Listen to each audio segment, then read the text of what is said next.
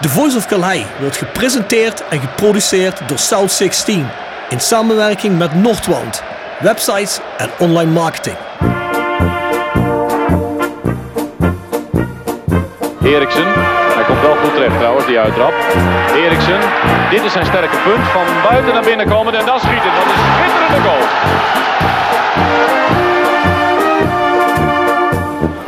Hansen. Hansen nog steeds. En hij zit erin ook zeg, Van Rempel.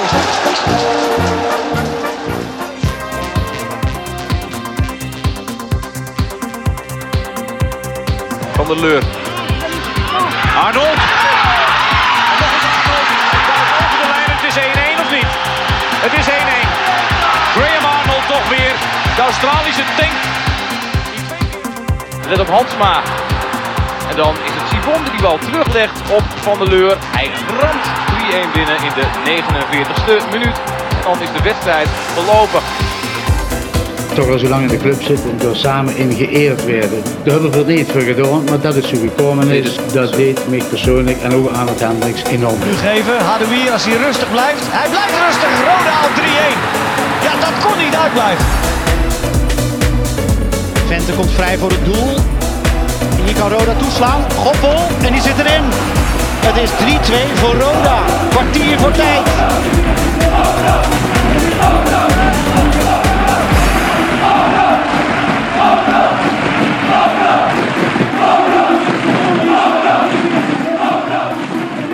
Dit is Nick Vossenbelt en je luistert naar The Voice of Kalheide. Ja, goedemiddag Bjorn. We hebben van de week niet echt een tijdstip gevonden waarop we konden podcasten. Want we hadden allebei drukke schema's. En eh, ja, het ging niet. En jij had nog een eh, uitje gehad vorige week eh, in het weekend. Hè? Volgens mij moest je een beetje inhalen. Ja, jongen, ik ben in Barcelona geweest met een vrijgezellenfeestje van Mo. Dus dat was natuurlijk erg zwaar, weinig slaap gehad. En dan moet je wat dingen inhalen. Dus ik heb nu de vrouw en de kinderen naar de bioscoop gestuurd. En dan hebben we even de tijd. Ja, heerlijk. Dus we zitten hier dan op de zondagmiddag. Maar des te beter, want dan kunnen we voor deze aflevering, want de playoffs komen eraan. Ja, kunnen we tenminste eens heel even evalueren over hoe nou die playoffs ingaan. We hebben nog één wedstrijd te gaan het reguliere seizoen. En ik zeg gelukkig net, hè, want ja, we hebben de voorlaatste gehad op vrijdag, dus kunnen we hem lekker meenemen. Daar gaan we het zo meteen over hebben. En eerst eventjes, je kunt ons uiteraard vinden op Spotify, iTunes, Soundcloud, Google Podcast, Amazon Podcast. Overal waar je podcast kunt streamen zijn we eigenlijk in principe aanwezig. Ja, volg ons daar. Laat een like achter, laat een goede review achter als je kunt en wilt. Het zou mooi zijn. De voice kort met de nabesprekingen, voorbesprekingen, et cetera. We gaan ook een aantal voice courts doen in de playoffs. We gaan proberen daar een gast telkens in onze Zoom calls te krijgen die een beetje kan meepraten. Dus we gaan het proberen hopelijk mooi op te bouwen naar een mooie climax. Hè? En eh, met een mooie climax bedoel ik dat we nog twee finale wedstrijden krijgen hopelijk. Maar goed, dat gaan we allemaal zien. Hè? En die vind je in ieder geval op petje.af, schuine streep naar voren, The Voice of Calais. En dat is met Bart Eurlings, met Jasper Klute. Ik zit er ook bij natuurlijk. Ehm South16.com is onze website. Ga daar eens kijken. Wij zijn is een van de grotere Roda JC fansites. Met het prikbord en natuurlijk de man of the match die je vanaf de 70ste minuut kunt kiezen. Dat kun je ook nu weer tegen Telstar thuis doen in de eerstvolgende wedstrijd. En het Roda Museum, hè, dat ligt in de Orlando Passage. Dat is uiteraard sinds, ja, sinds een tijdje weer open, hè, sinds alles weer open mocht. Dus die zijn het weekend open, dus daar kun je binnenlopen. En dan kun je helemaal voor niks allerlei mooie Roda paraphernalia en shirts en wat dan ook maar gaan bekijken. Overigens ben ik ook net heel even in het Mijnmuseum geweest naar de opening. Daar waren we uitgenodigd. Heb ik ook wat stemmen opgenomen. Er is een voetbalhoek, hè, een sporthoek. Ja, ik eh, kan je ook aanraden, ga daar eens kijken. Want volgens mij zijn ze gewoon vanaf, eh, vanaf morgen of vanaf vanmiddag natuurlijk zijn ze open. Een stukje Mijnstreek geschiedenis, hè, verdeeld over vier etages. Is heel mooi geworden, dus ga er maar eens een keertje kijken. Ja, Pierre, we nemen meteen even voor de podcast eh, snel op. Hè? We zijn er bij de opening van het Mijnmuseum op 1 mei in Heerlen. In, eh, hoe heet het pand ook alweer? Kneepkens. Knippers, ja. Ah, ja. Hallo, ah, daar komt Lonnie ook voorbij. Ja, Lonnie ook. Ja. Nou, we gaan eens kijken. We zijn met Pierre worden we rondgeleid. Dus eh, we gaan eh, met de lift. En Ties, wat is je eerste indruk tot nu toe? Ja, prachtig. Het is echt een, eh, een aanwinst voor heel en voor de streek. Ja, tot nu toe wel in ieder geval. Daar in de hoek, dat is een soort wasruimte hoe die vroeger was, hè, of niet? Mooi, mooi, mooi. Ja, dit is wel een tikje anders dan het uh, mijn museum in de schacht, hè? Nee, eh, ook mooi, maar anders. ja. Ja, ja. Ja, ik ben eh, heel benieuwd wat we gaan zien nu. Dus, eh oh ja, oh ja de, de, de, de Bergdorpjescompetitie. Ja. En, en jij bent bondscoach ervan? Ja, je bent de eerste die het weet nu. We hebben een, eh, we hebben een nieuwtje.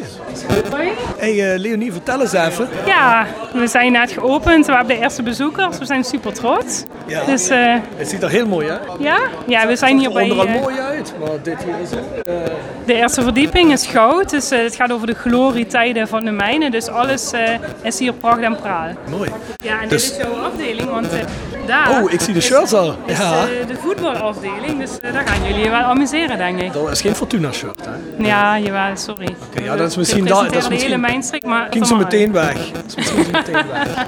Dus we gaan eens even kijken. hè.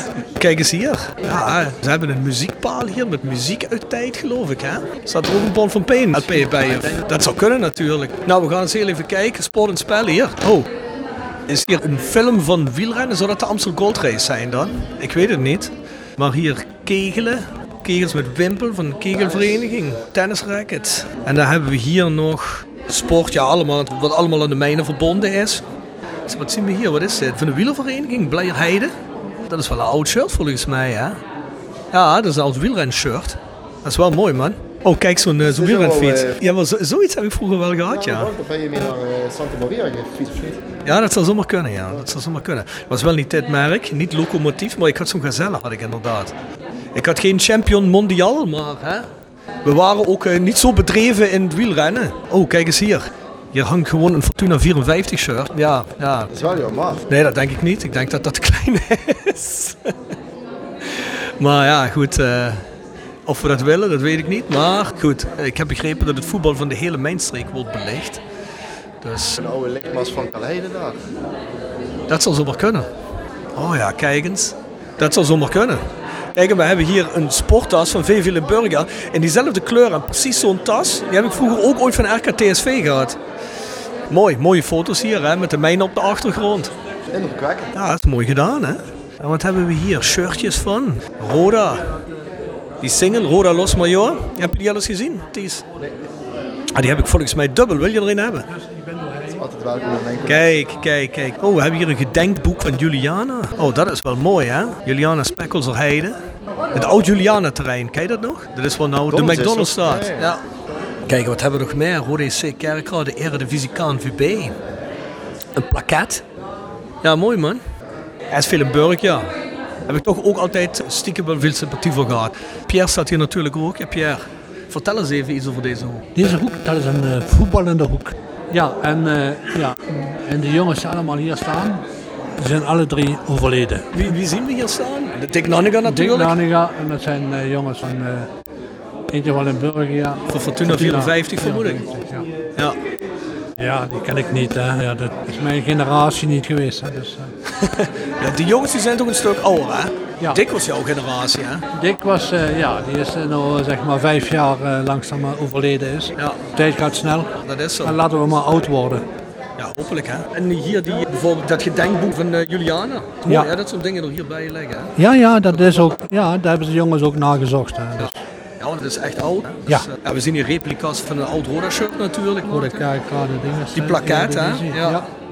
Weet jij, zijn die dingen hier terechtgekomen, zijn dat giften eh, van, van mensen? Of eh, zijn, die, zijn die specifiek aangekocht? Ja. Dan moet ik echt naar de jongens toe die dat eh, hebben neergelegd hier. Ja, ja oké. Daar ben ik niet bij betrokken geweest, Nee, dus oké. eh, zou niet weten. Ja, dit is het voetbal in de hoekje van de mijnen. Ja, maar we zien hier wel een mooi overzicht. We zien eh, allemaal mooie foto's met de mijn nog eh, in, de, in de achtergrond. hè. dat is volgens mij de, de staatsmijn Emma, volgens mij. Ja. Dit, dit veld dat is in de buurt van eh Heerlen. Die speelde zit aan de weg. Ja. En er staan nu eh, woningen. En eh, adres eh, is Aquamarijnhof. Oké. Zeg maar. Welke, welke buurt is dit? eh, eh, GMS. Muschemik, zeg maar. Tussen uh, Huskensweg en Sittardeweg. Er is zo'n driehoekje daar. Dat is een nieuwbouwgedeelte. En er is een, eh, ja, die straat loopt een beetje slingerend. Dat heet Aquamarijnhof. Zeg maar tussen eh, Klooster, wat er niet meer is, aan de Sittardeweg. En ehm, vooraan waren nu, eh we kijken, eh, bureau staat. Oké, ken ik. Ja, dat is voor de, is voor de podcast. Voor de podcast. Dus het is altijd mooi een beetje kennis erbij te hebben. dus dit is, dit is de Oranje Nassau is dit. Dit zijn de sportvelden van Oranje Nassau. Eh, daar heeft ook eh, de meest bekende atletiekvereniging die er nog is, Avon. Die bestaat er nog, maar eh, voetbalvereniging, zeg maar, tak voetbal, die is er niet meer. Ja. Nergens meer, dat is helemaal opgedoekt. Maar ik woon ze- zelf toevallig. Op de Aquamarijnhof. Ja. Kijk, van, de- uit eerste hand. En dat veld, dat is een, eh, ik denk dat dat een, eh, een Dat is van, is. hè? ja, dat is het Emma-terrein waar nu Avon, zeg maar, atletiekvereniging Avon die daar is eh, ontstaan, die eh, zijn nu daar gehuisvest. En dat terrein is er wel nog. Het is het, maar niet zoals hij er zo uitziet. oké, oké, oké. Je kunt hem nog zien, alleen eh, is daar nog een clubhuis en het ja, centelbaan nog over. Oké. En wie voetbalde hier? Weet u dat ook? Ja, weet dat, eh, voetbalvereniging Emma, maar zo heet hij het volgens mij. De Emma, FC Emma is het volgens mij. Hè? Ik denk dat hij het beter weet dan. Nee? Ja, die zijn samengevoegd. Ja. Zeg maar, eh, Emma, die is eh, samen met een andere Hoensprongse vereniging gefuseerd, wat nu EHC is. Eendracht en... Ja, Eendracht en... Moet ik gaan opzoeken op Google. Ja, staat het hier niet bij? Ik heb nog niet eens... Ja, het zou zomaar kunnen dat het erbij staat natuurlijk. Hè? We zijn maar plaatjes aan het kijken, maar... Het veld is er nog. De tribune is er niet meer. Natuurlijk, dat hele achterste gedeelte is ook er niet meer. Ja, ja, tuurlijk. En ehm, ja, wat ik hier nou zie, eh, hier, dit gebouwtje staat er wel. Dat staat er nog wel. Dat is, dat is dan hier, mij dat dan nu Huskunstweg, klopt dat nu. Maar, als je vanuit de Sittardeweg, ik weet niet of het zelf ook uit Helen komt. Ja, kerkraden, maar ik weet wat je bedoelt. Ja. Als je naar beneden gaat van het centrum, zeg maar, Sittardeweg, Ja, ja, naar beneden. precies. De eerste weg links af. Daar kom je er wel bij. Wat bijzonder. Dus eigenlijk, het spoor ligt hier achter, hè? Achter wat je Eh, ziet, hè? Dat ja, ligt het spoor. Als het goed is, achter die koeltorens. Ja, precies. Misschien hebben we nog een betere foto uitgestaan. En u, u hebt een bepaalde connectie hiermee. De enige connectie dat ik heb is dat ik een eh, raadslid ben van de SP. En eh, we proberen vanuit onze eigen partij zoveel mogelijk de geschiedenis weer te herleven. En dat is een stuk identiteit natuurlijk. Bedankt. Ik zal je de foto even, hoe die eruit ziet. Trouwens, het Mijn Museum waar wij tot nu toe wel eens de podcast opnamen, dat is ook nog altijd open en dat is ook nog altijd aanwezig. En dat is ook altijd in de schacht van de Oranje Nassau, naast het Sporenheerlen. Vers gebrande pinda's. Wordt gepresenteerd door Hotelrestaurant de Veilerhof. Boek een overnachting of ga heerlijk eten in het mooie bergdorpje Veilen. Voor boekingen ga naar www.veilerhof.nl. En door Rapi Autodemontage aan de Locht 70. Voor al uw auto-onderdelen en het betere sloopwerk. Al 40 jaar een begrip in Kerkrade. Tevens gesteund door Fandom Merchandising. Jouw ontwerper en leverancier van eigen sjaals, wimpels en andere merchandising. Voor sportclubs, carnavalsverenigingen en bedrijven. Al jarenlang vaste partner van de Rode JC Fanshop. Check onze site voor de mogelijkheden. www.fandom.nl Nou, Bjorn, de oplossing van de prijsvraag. Kunnen we heel snel over zijn. De eerste goal die tegen Emmen gescoord eh, wordt, hè, dat hebben we in de eerste podcast met Solveig Kuijer hebben die eh, vraag Mhm. gesteld. Nou, dat had niemand goed. Er werd ook niet gescoord door ons, hè, dus dat was heel simpel.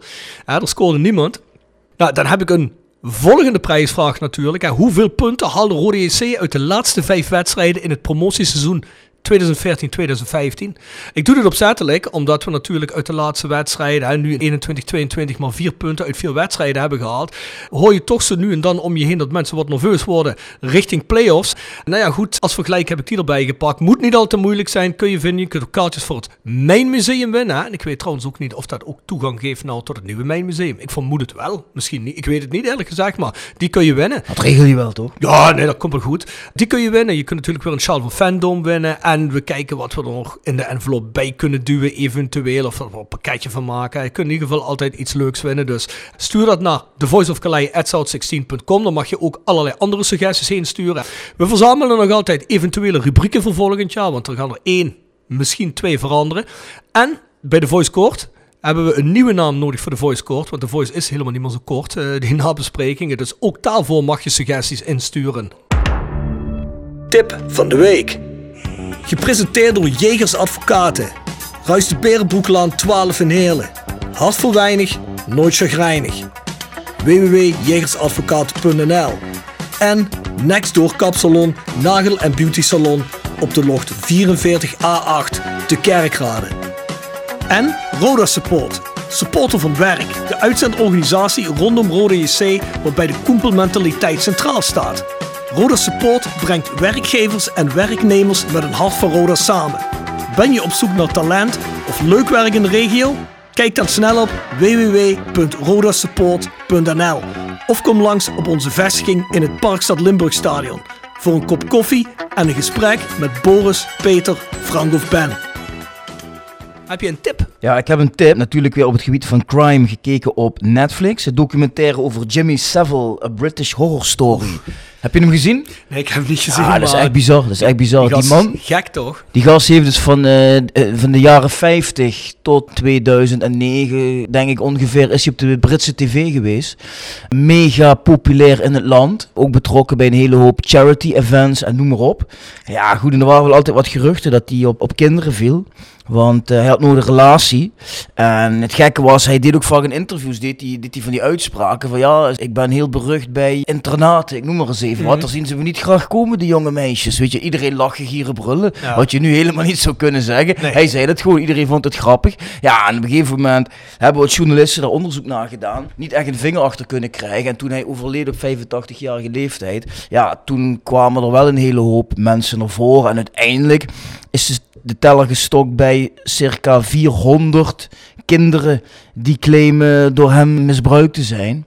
Ja, dat deed hij in eh, eh, weeshuizen, eh, eh, ziekenhuizen, overal waar hij dan kwam als de reddende engel, zeg maar. Maar hij was in wolens in schaapskleren, dus eh, ja, echt heftig. Die man was, was mega eh, populair. Hij was ook tot ridder gekroond, hebben ze hem allemaal afgepakt natuurlijk. Dus dat is een van de grootste pedofielen ooit, zeg maar. Ja, ja want je hoort toch eh, over, over Jimmy Savile. Nou, de laatste jaren steeds meer. Nu die dood is, dat toch veel en veel meer mensen het wisten en het gewoon stilhielden. Doordat hij zo populair was en dat mensen... Hij was echt een tv-persoonlijkheid toen en mensen durfden hem eigenlijk niet aan te pakken. Ja. Ja, dat is niet normaal. Dan, laat je, dan laat je die man maar met kinderen klooien. Kan eigenlijk Ja, dat is echt niet, bizar. Dat is echt bizar. Maar ook heel veel beeldmateriaal van hem nog steeds eh, beschikbaar. Dus je ziet hem ook door al die jaren heen, wat hij ook zegt in interviews. En met de wetenschap van nu denk je van eigenlijk geeft hij daar zelf al een soort voorzetje. Van hoe die in elkaar steekt. Als je hem nu ziet, denk je ook voor wat een creep. Maar ja, eigenlijk, eh, niemand had er op dat moment, eh, heeft er echt werk van gemaakt als het ware. Ja, niet normaal hè. Ja, bijzonder. Ja, vooral nou, nou ik zelf eh, ook een kind heb. Hey. Nou, ik moet er niet aan denken. Als, als ik erachter kom dat dat iemand flikt, ik geloof dat ik hem de hals om zou draaien. Dan heb ik je nodig in dat geval, Bjorn. Ja, dat, eh, dat zou mooi zijn. Hey, ik heb ook een tip en die heet eh, Here We Go Gathering Cups in May. Dat is een boek. Ik heb heel even vergeten wie het geschreven heeft, maar als je erin geïnteresseerd zou zijn naar mijn verhaal, dan weet je hem vast te vinden. Here We Go Gathering Cups in May is een boek dat gaat over Liverpool en hoe ze pokalen winnen in de maand mei. Ja, dus zoals we weten is dat eigenlijk de maand waarin zowel op Europees vlak als ook nationaal vlak meestal alle finales gespeeld worden. Het centreert zich vooral om de vijf gewonnen Europa Cup eens. Die Liverpool won voordat ze hem opnieuw wonnen een aantal jaren geleden. Ja, dat is gewoon een boek dat gaat nog niet zozeer om de sport. Het is meer op een fanoogpunt bekeken. En eh, de reizen die gemaakt worden. hè, wel verteld over al die reizen. Die Europese campagnes, ook naar Wembley, hè, eh, cupfinales, et cetera.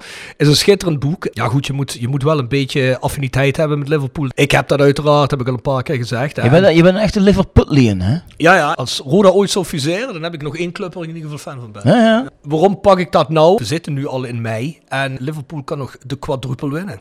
Dus Europa Cup 1 kunnen nog landskampioen worden en de FA Cup winnen. Dan staan ze ook in de finale. Ja, en onze eigen vereniging, Rode JC, kan promoveren. Dus ja, kijk, de maand mei, die is, eh, ja, die is cruciaal. En als je dan zo'n boek leest, kom je wel helemaal in de mood van zo'n... eh. Dus daarom hoop ik ook dat we zeker minimale finale halen van de play-offs. Het zou een anticlimax zijn als we naar zo'n goede wedstrijd of naar goede wedstrijden er weer uit zouden knikkeren. Volgens mij is dit jaar de Champions League finale in Parijs. Nou, ik heb me al voorgenomen, daar ga ik sowieso heen rijden. Binnen zal ik wel niet komen, maar eh, ik wil wel het feest even mee vieren. Dus in ieder geval de aanloop erheen, dus dat lijkt me schitterend. Dus, Ja, mooi eh, man. we hebben vandaag geen gast. Jullie hebben ook gezien, de titel is Players are Coming. En daar zijn we natuurlijk al een tijdje zeker van. De playoffs komen eraan, Bjorn, maar ja, hoe staan we er nou eigenlijk voor en hoe gaan we daar nou eigenlijk in en wat verwachten we ervan? Daarover willen wij eh, ja, gaan hebben. Als we nou kijken naar die laatste twee wedstrijden, Emmen uit en Bos uit, twee uitwedstrijden. Ja, wij hebben op de app wel eens eh, veelvuldig hebben we het er natuurlijk over, maar jij stelde altijd vooral de vraag: zouden ze opzettelijk gas terugnemen? Ja, kijk, ehm, twee uitwedstrijden, nul doelpunten voor. Dat is natuurlijk wel teleurstellend. Dus ik denk van ja, zitten we nu gewoon in een dip? Dat zou natuurlijk heel slecht uitkomen. Of ja, zitten daar misschien bepaalde keuzes achter. Ik las uh, nu ook weer een interview met Benjamin Bouchouari. Die zei van ja, ik zit bewust op de bank, zodat ik dadelijk in die play-offs voluit kan gaan. Dus ik denk ja, er zitten nog een aantal jongens met Ramadan-problematiek van de berg Absalem. Ik denk misschien is het wel zo dat ze gezegd hebben, weet je wat, we gaan helemaal niet kijken naar wie we treffen of wanneer we de Eredivisie-ploeg treffen. we moeten gewoon zorgen dat wij uh, die weken, die twee weken zo in topvorm zijn. Dus we gaan nu gas terugnemen. En misschien op de training met minder intensiteit trainen. Ik had vroeger wel trainers die zeiden van ja, je speelt in de wedstrijd zoals je traint. dus misschien als je op de training het rustig aandoet, doe je het in de wedstrijd ook wat rustiger aan. En leidt dat tot verliespunten. En staan ze er dadelijk in de play-offs? Hopelijk toch. Maar ja, dat is eigenlijk iets wat ik zeg uit hoop. Dat is nergens op gebaseerd natuurlijk. Ik hoop dat het zo gaat zijn. want ik, we dan moet ik maar vasthouden. Want als het niet zo is, dan betekent het gewoon dat we helemaal niet meer goed in vorm zijn. en dan zou de eerste ronde exit kunnen zijn. Mm. Ja. Maar ik, ik vind natuurlijk wel, hè, er, er, zit natuurlijk wel ook wat in. Als je zegt, het maakt niet uit wie we treffen. Want ik denk niet dat er een ploeg nu tussen zit bij die uh, eerste divisie ploeg in ieder geval. Waarvan ik zeg, die stikt er zo met kop en schouders bovenuit, die wil je 100% niet tegenkomen. Dat mhm. vind ik niet. Mm. Hè? Zelfs al zou het nou uh, Volendam en Emmen er ook nog bij zitten, dan heb ik het bij die twee ook niet. Want laten we heel eerlijk zijn, die tweede helft tegen Emmen met 10 man. Ja, waren we gewoon gelijkwaardig aan Emmen. Alleen doen we er niks mee. We waren, we waren, we, we, waren tandenloos, maar voor de rest, hè, Emmen kwam er ook niet uit. Dus ik wil maar zeggen, die eerste divisie is er geen ploeg. Die eredivisie ploeg, daar kun je wel bang voor zijn. Maar ja, heel eerlijk.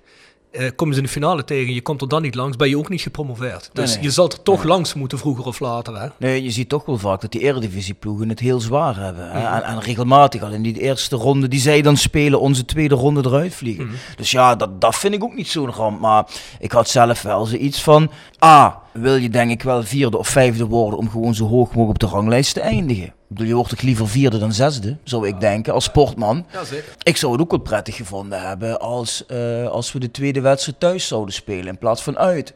Dat je thuisvoordeel eigenlijk aan jouw kant hebt. Dus dat waren wel dingen naar mijn idee om nog voor te spelen. Ja, dat, dat kan nog altijd, hè, dat thuisvoordeel. Als het goed is, kunnen we alleen maar nog naar de vijfde plek schuiven. Hè? Ja. Het, het, is, we kunnen niet meer naar onder, we kunnen niet meer naar boven. Ja, we kunnen ingehaald worden door jong Ajax. Maar uh, die staan zevende. nou goed, dan word je zevende. Jong Ajax doet sowieso niet mee aan die play-offs. Dus punten afstand er nog eens te groot. Dus ik wil er maar mee zeggen, lager kun je in principe niet schuiven. Play-off technisch, uitgangspositie gezien. Je kunt wel een stuivertje wisselen met de plek met Excelsior. Ja, en dat betekent dat je dan thuisvoordeel, of thuisvoordeel zeg ik altijd, hè, dat je het laatst thuis speelt, dus het eerst uitspeelt. Dus eventueel thuis kunt afmaken of, of recht kunt trekken wat je wellicht uit uh, verbruikt hebt. Eventueel. Maar ja, uh, dat vind ik wel een punt. Want ik, ik denk wel te voelen aan deze ploeg dat ze, ja, moet dat zeggen? Ik weet niet hoe jij dat ziet, maar ik vind dat toch, denk ik, er iets aan te zien of te voelen kan, er moeilijk mijn vinger op leggen, dat dat mentaal niet zo stabiel is. Dat als ze uit bijvoorbeeld met, of laat ik zeggen dat we thuis bijvoorbeeld met 2-1 zouden verliezen, dat ze dat uit zo gemakkelijk rechtgebreid krijgen. Er zijn een paar jongens bij die bij uitwedstrijden, zeker als er veel publiek zit, pak Absalem alweer. Hè? Ja. Ja, dan, denk ik van, jongens, we moeten ooit worden als je een volle kuip speelt. Ik heb zelf ook het idee dat we een aantal gasten erbij hebben die nogal snel geïntimideerd zijn. Mm. dat was vorig seizoen uh, die play-off wedstrijd uit bij NEC. Vielen er een aantal gigantisch door de mand. Ja, onder andere. Uh, en, en, en, ik denk van ja, als je uit naar ADO Den Haag moet gaan en, en het publiek begint zich daar te roeren of uit bij, bij NAC of noem maar op. Ja, uh, er zijn er volgens mij een paar die dan van de zenuwen niet meer weten waar ze mee bezig zijn. Mm. Dat idee heb ik een beetje bij onze ja, ploeg. Dat het niet volwassen genoeg is om daar goed mee om te kunnen gaan. Nee, dat, dat gevoel heb ik ook. En dat vind ik een beetje jammer, want eigenlijk de manier waarop we het hele seizoen al spelen, ja, laat staan misschien 1, 2 wedstrijden in de eerste seizoen zelf. De basis daarvan verdien je ook gewoon ver te komen in die play-offs. Ik, ik kun het ook gewoon. Ik had, hey, sterker nog, ik had tot een week of drie geleden of zo, had ik zoiets van, nou, ik denk dat we misschien wel de favoriet zijn. Of in ieder hmm. geval één van de favorieten. Dat heb ik nu niet meer, dat gevoel. Na die twee laatste wedstrijden bedoel je? Ja. ja. Dat heb ik niet ja. meer. Ja, die, die eerste helft tegen Emmen, dan moet ik zeggen, ik heb het ook in de voice court gezegd. Die eerste helft heb ik maar de laatste vijf minuten van gezien. Ik kon heel moeilijk een stream vinden. Of iemand vinden met een, met een goede login voor mijn Ziggo Go, met de juiste ESPN-kanalen. Maar ja, na die rode kaart was er eigenlijk geen, geen vuiltje aan de lucht voor Roda meer. Die, die eerste 40 minuten zijn schijnbaar heel slecht geweest, heb ik begrepen. Hey, maar dat ik vind, ik nee, vind maar het gewoon moeilijk, weet je. Want eh, hoe kun je nou... Ik moet eigenlijk alles formuleren. Daarom begrijp ik ook jouw vraag. Telkens waar je zegt, zouden ze niet echt gewoon de voet van de gaspedaal genomen hebben? Want ik, ik vind eh, de manier waarop ze, wat ik dan begrepen heb, hoe ze tegen Emmen gespeeld hebben in die eerste helft, ja, dat, dat, dat houdt toch helemaal niet over. Veel mensen zeggen slechtste eerste helft van het seizoen. Ja, precies. En dat, dat vind ik dan zo dubbel. Hè? Want dan denk ik enerzijds, ja, zet even aan in het begin. Dan heb je meteen twee ballen in het mandje liggen. Ja, als dat je gebeurt in de play-offs, lig je al eruit. Terwijl, ja, inderdaad, mijn hoop is dan erop gevestigd dat Rode misschien toch eh, al in gedachten met die voorbereiding op die play-offs bezig is. En niet meer op die laatste paar competitieduels. Ik meen, je prijsvraag, hè, de 2014-15. Volgens mij, wat ik me daarvan kan herinneren, was het toen ook zo dat Rode al in een vrij stadium zich ging klaarmaken voor die play-offs. En bepaalde spelers rust heeft gegeven, et cetera. Toen hebben we ook tegen het einde aan niet zo heel denderend volgens mij gepresteerd. Nee. Dus ik hoop dat dat een beetje tactiek is vanuit de club. Om te zorgen dat dadelijk iedereen eh, vol fit aan die aftrap staat. Ja, want we hebben het dan met René Trost ook over gehad in een van de veelvuldige René Trost eh, podcasts die er zijn. Hè.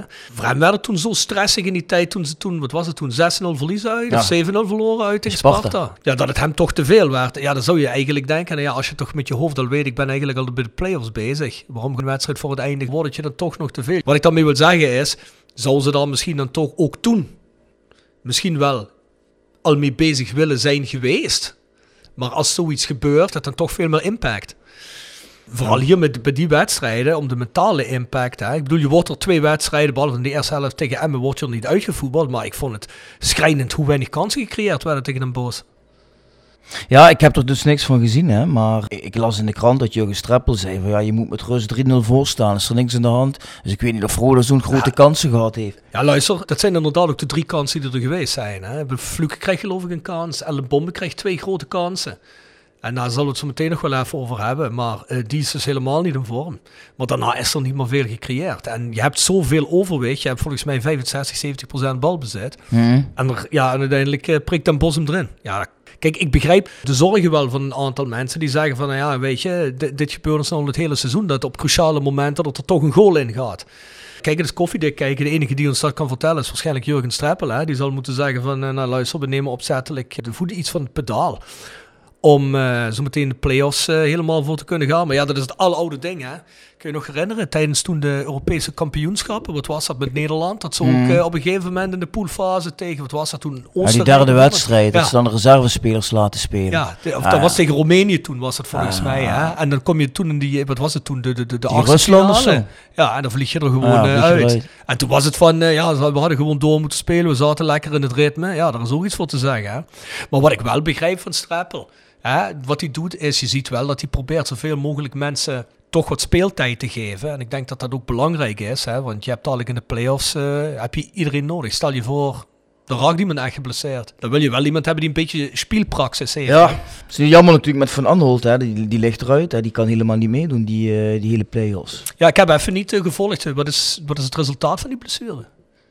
Ik weet niet precies wat hij heeft of hoe lang het gaat duren, maar ik, ik hoorde wel Streppel zeggen dat hij uitgeschakeld is voor de play-offs. Ja, nou goed, eh, dat is jammer, want je zag dat hij die jongen meer tijd begon te geven. Hè? Ja. Dus eh, wel duidelijk duidend op eh, ja, dat hij hem toch nodig heeft. Ja, dat is jammer dat je voorin niet zo heel veel stootkracht hebt als je er die jongens uit begint te halen. Maar laten we maar eens heel even verder gaan naar het tweede punt wat ik hier heb staan. Dan hebben we het over, de tactiek. Denk je dat we daar een goede, goede kans mee maken? Of hang je eerder de mening aan, zoals bijvoorbeeld een Jasper Klute bij ons in de, in de voice court, die zegt van, nou ja goed, ik vind dat hij eh, te veel openingen naar achter dat liggen. Ah, weet je, eh, laat ik het zo zeggen. Kijk, Jurgen Streppel heeft nu twee seizoenen gewerkt aan zijn tactiek. Eh, heeft een bepaalde visie op voetbal. En ik geloof er niet in dat je nu vlak voor zo'n play-offs die hele tactiek overboord kunt gooien en dan opeens verdedigender kunt gaan voetballen. Daar, daar zie ik geen heil in. Ik denk niet dat dat mogelijk is. Ik denk niet dat Rode de kwaliteit heeft om even vlak voor zo'n belangrijke fase een hele andere tactiek te gaan spelen. Dus ik denk dat ze gewoon door moeten gaan met wat ze altijd doen. Er is ook een hele periode geweest dat Rode niet of nauwelijks kansen weggaf of tegendoelpunten kreeg. Dus ook met deze tactiek kunnen ze het. Ik denk, ik denk wel dat je voorin eh, gewoon op het juiste moment moet gaan prikken. Mhm. En dat mis ik wel de laatste, laatste weken een beetje. Dus wat mij betreft ligt het niet zozeer aan de tactiek, maar meer aan ja, hoe dat uitgevoerd wordt. Ik, ik hang de mening aan dat de verdediging aan zich niet zozeer het probleem is, maar wat ervoor staat. Bijvoorbeeld Robert Klaassen, Nick Vossenbelt, Van den Berg en Bouchouari. Die jongens die staan centraal op het middenveld. Ja goed, die moeten of meer tegenhouden of creatiever zijn. Als Benji er staat, heeft hij zeker iemand nodig naast zich die meer stofzuigt. Want ja, eh, hoe Benji ook is, heeft ook veel balverlies. We hebben wedstrijden gezien dat hij met Benji en met Van den Berg naast elkaar speelt. Tegen de Bos begon hij met Klaassen en Vossenbelt. Ja, maar begin dus goed geen, creativiteit Nee, precies. Ja, kijk, ik kan goed begrijpen dat je als een team aanvallend goed in elkaar steekt. Dus ik kan me voorstellen dat bijvoorbeeld tegen zo'n Excelsior dat je misschien begint met een, met een sterke verdedigend blok op het middenveld. En ik denk dat hij daarmee een experimenteren is nu. Maar geen idee, hebben wij niet de beste wedstrijden gespeeld met Benji en Nick Vossenbel naast elkaar? Denk ik wel, ja. Alleen ja, Vossenbelt die komt natuurlijk terug van een zware blessure. Dus die was zich niet eh, helemaal 100% zei hij. En eh, ja, Benji die wordt gespaard in, in verband met eh, Ramadan. Ja. En, en Van den Berg, idem dito. Die kunnen gewoon niet voluit gaan eh, vanwege de Ramadan. Maar ja, ik denk, kijk, Benji weet je zeker, die staat dadelijk in de basis. Ik kan me niet voorstellen dat hij met Benji en Van den Berg gaat spelen. Want dat vind ik toch echt verdedigend niet sterk genoeg. Ja, dan zou je al een mega sterk centraal verdedigingsduo moeten hebben. En dat hebben we volgens mij ook niet. Nee. Dus eh, ik denk toch dat het Benji en, en Klaas of Benji en Vossenbelt gaat worden. Hoe vind je dat Robert Klaassen doet? Vind je dat hij zich weer een beetje hersteld heeft? Of Ik vind Robert Klaassen, weet je wel, vind ik een voetballer eh, die altijd zijn inzet heeft. Zijn duelletjes probeert te pakken. Eigenlijk altijd een zes. Nooit een vier, maar ook nooit een acht, bij wijze van spreken. Dus ja, ik weet het niet. Het- het- het- het- Hij, hij doet gewoon zijn ding. Maar ik, ja, ik zou wel denken van als je wil doorgroeien naar een hoger niveau, dan zul je daar een keer moeten upgraden. Ja, want het is wat je zegt, hè, Nick Vossenbelt. Die doet het goed op die positie, hè, totdat die blessure komt. Maar ja, hoe komt hij terug, hè? Dus dat, eh, ik heb nog geen hele wedstrijd zien spelen. Nu die halve wedstrijd tegen Den Bosch. Of was het tegen Emmen? Nee, tegen Den Bosch, hè, nu vrijdag. Ja. Maar ja, dat was, bedoel, die wedstrijd, er blonk ook niet echt iemand uit. eh. Nee. Dus het is, het, is, het is heel moeilijk. Ik kan me voorstellen dat Streppel daar een beetje experimenteert. Want ik vind dat toch bij die laatste wedstrijden waar ze goals tegen krijgen, dat de crux daar ligt hoor. Op het centrale middenveld en hè, wat, wat er al voor de verdediging iets moet tegenhouden, dat, ja, dat is gewoon heel zwak. Ja. Dat is jammer. Hey, maar we zitten bij het punt verdediging. Hoe, hoe zie jij de verdediging nu naar de play-offs eh, ingaand? We hebben net al eh, vastgesteld, Pele van Aanholt is geblesseerd, die komt niet meer terug. Die begon net zijn plek een klein beetje te vinden. Die deed ook helemaal niet slecht in die momenten dat hij eh, gespeeld heeft. Ja. Dus ja, eh Immer Absalem die zal waarschijnlijk vast spelen, hè, want dat is Immer Absalem zijn plek. Absalem, Marzo, die staan er sowieso op. Joppe staat er natuurlijk sowieso in. Hij is het altijd de vraag Werk of Jensen. En ik denk, als Jensen fit is, dat Streppel Jensen laat spelen. Ja, ik denk ook dat hij dat doet. Ik, ik vind wel, en ik weet dat jij dat niet vindt, maar ik vind dat wel Werker zich, zeker de laatste maand, anderhalve maand, heeft natuurlijk geprofiteerd van al die invalbeurten. Dat Jensen geblesseerd is geweest, Joppe eh, een keer er niet bij is geweest. Dat hij vrij stabiel overkomt en ik vind dat hij een betere indruk maakt op het moment als Jensen. Maar ik denk niet dat hij zijn aanvoerder ernaast zal zetten. Nee, daarom. Nee, ik moet ook zeggen, ik vind dat Werker het eh, heel goed heeft opgepakt. Beter dan ik van tevoren gedacht had. Mhm. Dus wat dat betreft eh, een waardige vervanger. Maar ik denk inderdaad wel dat voor Streppel is Jensen zijn aanvoerder. Als die fit is, zal hij hem erin zetten. Dat zag je toen die laatste keer ook. Daar hebben we nog een keer discussie over gehad.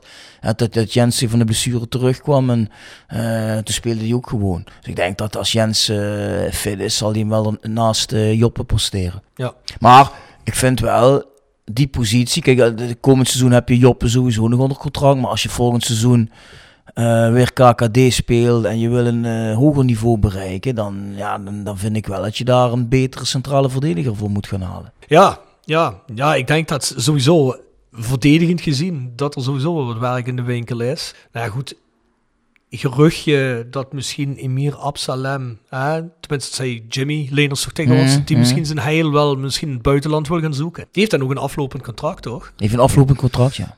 Nou, maar als Ja, Roda, als Roda met hem verder wil, begrijp ik niet dat die jongen niet verlengd is eh, een jaar geleden. Want wat ik toch begrepen heb van Roda uit, is dat Roda al heel snel, ja, toch wel zag zitten, Emir Absalem. Zou ze het dan misschien dan toch niet hebben zien zitten, want hem verlengen ze niet. Benji en zeg eens gauw een Vente, die worden voor meerdere jaren vastgelegd. Daar wordt dan niet mee gepraat. Ah, goed, de linksback zou je op zich redelijk makkelijk moeten kunnen vervangen, toch? Ik, ik weet wel dat Streppel ons on, ontiegelijk gecharmeerd is van eh Absalem. Dus ze, ze zullen geheid proberen om hem langer vast te leggen. Kijk, Als die jongen zegt, ik ben hier uitgekeken, ik wil naar het buitenland. Ja, dat is een goed recht. Tuurlijk. Terwijl ik denk, dat Emil Absalem eh, heel blij mag zijn dat hij hier een trainer heeft die hem laat spelen in de manier waar ook zijn kracht ligt, namelijk vooral aanvallen. Dus ik denk als Emir Absalem ergens anders komt met een andere trainer, zou die misschien wel op de koffie kunnen komen. Dus ik wil er maar mee zeggen, je moet ook af en toe blij zijn met wat je hebt. En voor Emir Absalem geldt dat ook, denk ik. Ja, ik denk dat die jongens ook vooral kijken. Ja, als ik nog, uh, weet ik veel, uh, de zandbak of ergens heen kan waar ik een beetje meer geld kan verdienen. mijn carrière is maar zoveel jaar. Dan doe ik dat toch. Ja. Kijk, speltechnisch denk ik dat hij niet beter kan krijgen als hier. Nee, nee, dat, wat, wat heel eerlijk is, al wat jij zegt, hè, wordt hij ingezet als echt een verdediger, dan gaat hij snel door de mand vallen, want daar is hij niet zo goed in. Hè. Ja. Hey, voor we verder gaan, Bjorn. Jolis Jo wordt gepresenteerd door RodaJC.goals. Het Instagram-account voor je dagelijkse portie Roda-content. Iedere dag een doelpunt uit onze rijke historie. Van Aruna Kone tot Shane Hanze. Van Bob Peters tot Dick Nanninga. Volg RodaJC.goals op Instagram. Nog geen zonnepanelen op uw dak? Bij Marimi Groep in Kerkrade en Heerlen bent u op het juiste adres voor duurzaam advies. Bespaar direct op uw energienota met een hoogwaardig zonnesysteem van Marimi Groep. Marimi Groep werkt uitsluitend met hoogwaardige zonnesystemen die voldoen aan alle eisen van de grootste keurmerken in de solarbranche. Kijk op marimi-groep.nl en maak een vrijblijvende afspraak voor professioneel advies op maat. Van advies tot montage, alles in eigen huis. Persoonlijk contact staat bij ons op nummer 1.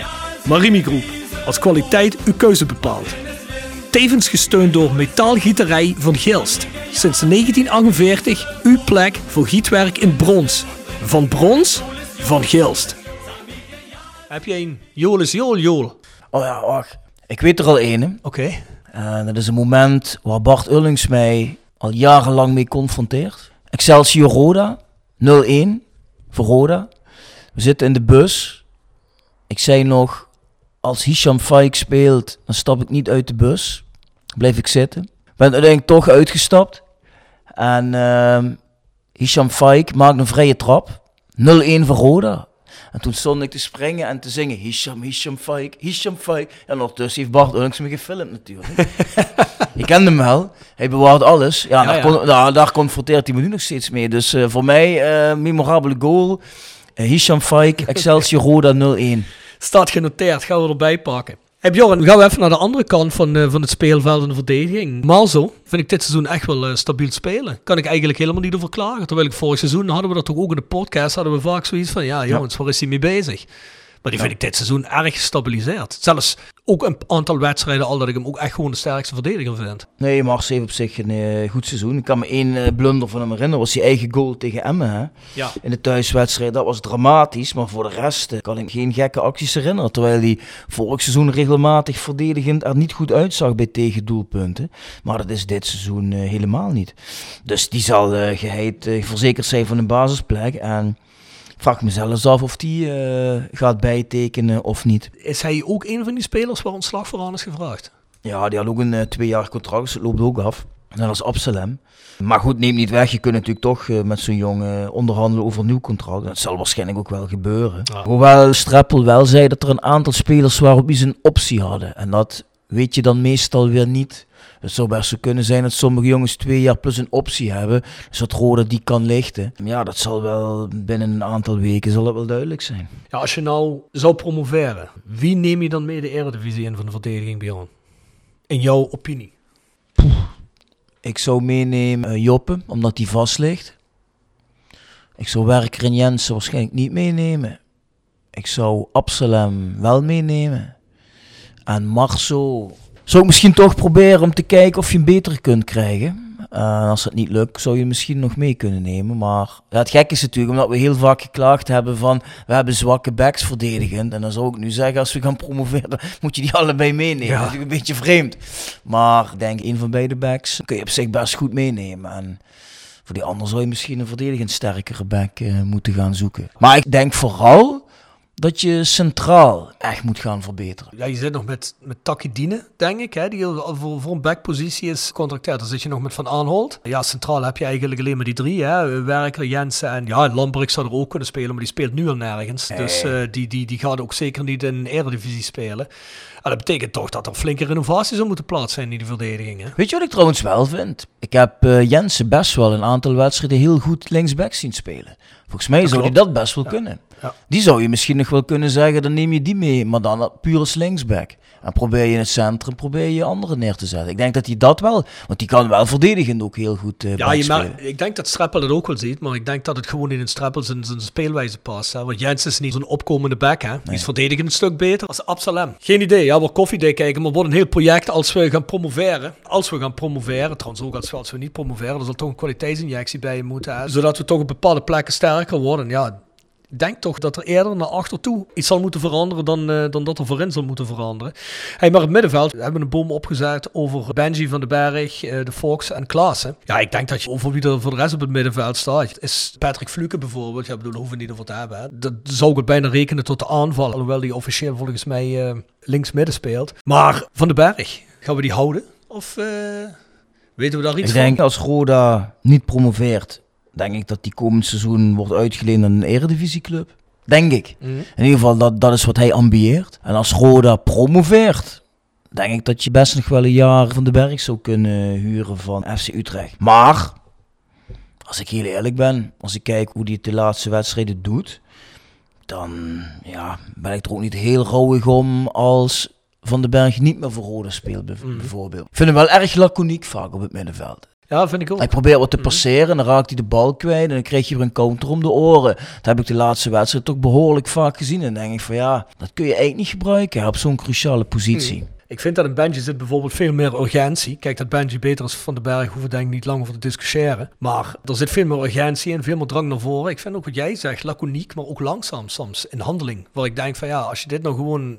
iets eerder had gedaan, Mm. dan had je misschien iemand vrij voor de keeper kunnen zetten. Ik heb het gevoel dat hij heel vaak het eerst voor zichzelf kijkt wat hij er voor zichzelf nog meer uit kan halen. Het soms ook nog een keer een passeerbeweging probeert te doen. Nog een keer in plaats van de paas te geven. En dat heeft Benji totaal niet. Benji geeft meteen die steekpaas. Kijk, ik kan me goed voorstellen dat hij misschien denkt, met hem bedoel ik Streppel, dat hij misschien denkt van nou, Van den Berg zou misschien opvolger kunnen zijn van Benji als we die kwijtraken.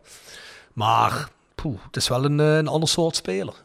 Kijk, heeft natuurlijk een geweldig linkerbeen en uh, ook een geweldige techniek. Wat dat betreft is het een prima voetballer. Maar in het team gebeuren, ja, dan uh, heb ik hem toch af en toe wat dingen zien doen waarvan ik denk, hmm, dat vind ik op die positie waar hij speelt uh, niet ideaal. Ja, kijk, als een van die jongens de bal kwijtraakt, hè, daarom is een combinatie Benji van den Berg, die allebei redelijk vaak de bal kwijtraken, die nog een hoog balverliesquota hebben.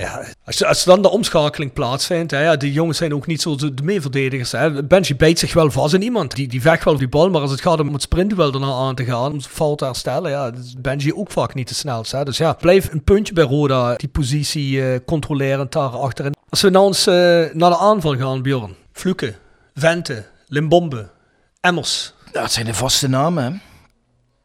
Die zullen ook in de play-offs natuurlijk geheid aan de aftrap uh, staan. Kijk, ik weet, en dat vind ik ook, dat Limbombe laat het de laatste weken wel een beetje afweten. Maar ja, weet je wat het is, Rob? Dan wordt hij wel eens eruit gehaald en dan komt Amissi erin. Maar ja, die heb ik nog niet één goal van gezien. Nog niet één assist. Ja, weet je, laat je eerst Seintje. Dat was helemaal niks. Nu heb je daar Amissi. Is misschien ietsje beter dan Seintje. Omdat hij nog een bal soms redelijk goed aanneemt. En nou, nog wel eens een goede voortzetting heeft. Seintje was helemaal niks. Het is niet zo dat die gozer serieus aanspraak erop kan maken om Limbombe uit de basis te verdrijven. Want daar heeft hij echt te weinig voor laten zien. Ik had net, eh, voordat we met de podcast begonnen, even gekeken naar de statistieken van uh, Limbombe. En volgens Transfermarkt staat hij op 7 doelpunten en 5 assists. Nou, dat zijn meer doelpunten dan ik in mijn herinnering had. Ik denk, die heeft er misschien een stuk of drie gemaakt dit seizoen. Dus wat dat betreft zijn die statistieken, zeker qua doelpunten, beter dan ik gedacht had. Ja, en daar kan Amissi uh, nog lang niet aan tornen. Nee. Ja, kijk, een beetje het probleem met een bombe vind ik, dat zag je nu die wedstrijd tegen Den Bosch ook heel erg is dat hij op snelheid komt. Ik word aangespeeld in de loop. Je, je gaat diep. En dan is hij op snelheid, dan komt die verdediger tegen. Dan houdt hij in. Hè? Hij gaat er niet. Ik wil niet zeggen dat die jongen van het niveau is waar hij een invloeiende passeerbeweging langs de verdediger komt, maar hij probeert het ook nauwelijks. Hij probeert het heel soms. Lukt ook soms. Maar ik heb een beetje het gevoel dat hij, ja, dat hij niet zeker is van zijn passeerbeweging. Want hij zal toch zeker een opleiding passeerbewegingen geleerd hebben. Dat kan niet anders als je vleugelaanvaller bent. Maar ik, ik zie er bijna nooit iets van. Hij probeert altijd om de speler erheen te cirkelen zonder die directe confrontatie aan te gaan meestal. En haalt daarmee de hele snelheid uit de aanval. Er lijkt niet echt een idee achter te zitten. Hij gaat een beetje op die man af en volgens mij doet hij dan intuïtief doet hij maar iets. Ja. Maar het is niet zo dat hij denkt, ik ga erop af, ik maak een schaar of weet ik veel wat voor beweging en ik ga buitenom of binnen door.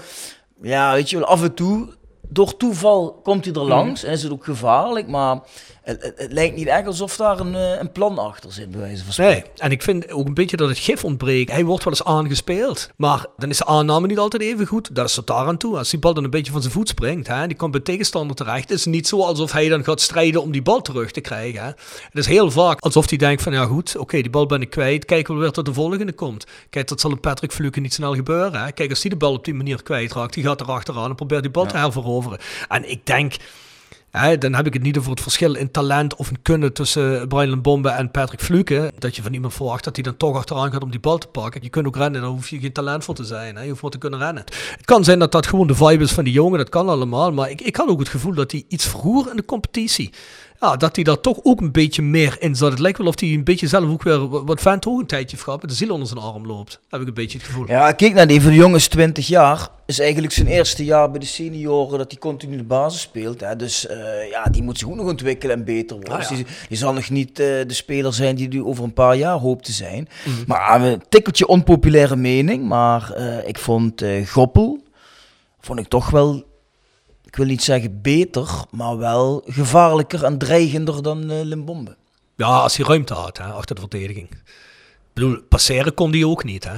Behalve de bal er langs hij steken moest hij moest de ruimte hebben, maar er Ja. zijn natuurlijk wel heel veel wedstrijden geweest, en zeker uitwedstrijden, waarin Goppel voor een hele hoop doelpunten en gevaarlijke eh, situatie heeft gezorgd. Hè? Ja. Als die tegenstander begon eh, te drukken, je peerde een bal achter die verdediging, ja, dan was het bijna altijd één tegen één. Hè? Ja, dat was natuurlijk het grote voordeel wat Roda had. Hè, waardoor ploegen ook niet altijd helemaal durfden. Hè. Nee. Je dus wist al, als er een lange bal wordt gespeeld, nu ja, je moet sowieso het sprintduel aangaan met die gas. En dat win je waarschijnlijk niet.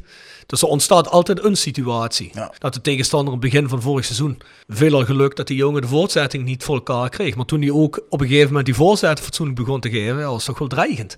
Alleen ja, het is zo jammer, hè, want zo'n Limbombe, je ziet gewoon dat daar meer in zit. Ik heb zoiets van, dat kun je toch beter gewoon. Van de 20 keer dat je zo'n tegenstander tegenkomt op volle vaart, man, probeer het gewoon 20 keer. Je, dan kom je er drie keer langs en wordt het gevaarlijk. Weet je wel, als je inhoudt, ja. Denk ik ook. Het, ik ook. ik vermoed wel dat een Streppel hem daar wel in pusht. Ik kan me niet voorstellen dat Jurgen Streppel zegt, nee, moet je niet doen, hou maar in en speel hem maar liever terug, hoofdzaak geen balverlies. Dat kan ik me niet voorstellen. Nee, dat denk ik niet. Maar ik bedoel, hij, hij weet ook eigenlijk dat hij het vertrouwen heeft voor Jurgen Streppel. Hè?